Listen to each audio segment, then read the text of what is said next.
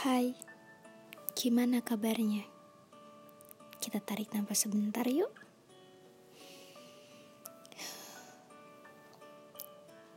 Emang hidup kadang terasa berat ya.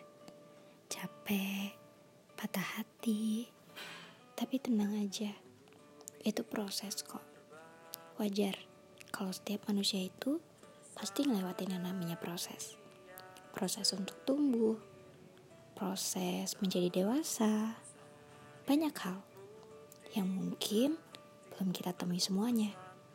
Percaya deh, kalau kita masih punya semangat buat ngelewatin rasa sakit, kita itu hebat tahu. Kita kuat.